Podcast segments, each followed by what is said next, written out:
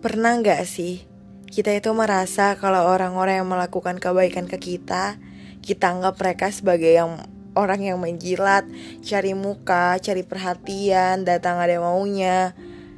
Padahal bisa jadi mereka memang mau bersikap baik. Padahal bisa jadi mereka memang memiliki sifat yang itu. Tetapi kita selalu memikirkan hal-hal yang buruk terhadap orang-orang itu. Dan ketika mereka melakukan hal yang buruk beneran, ya kita tetap mencaci mereka. Apa pun yang dilakukan oleh orang lain ke kita, kita selalu kita selalu berpikir hal yang negatif.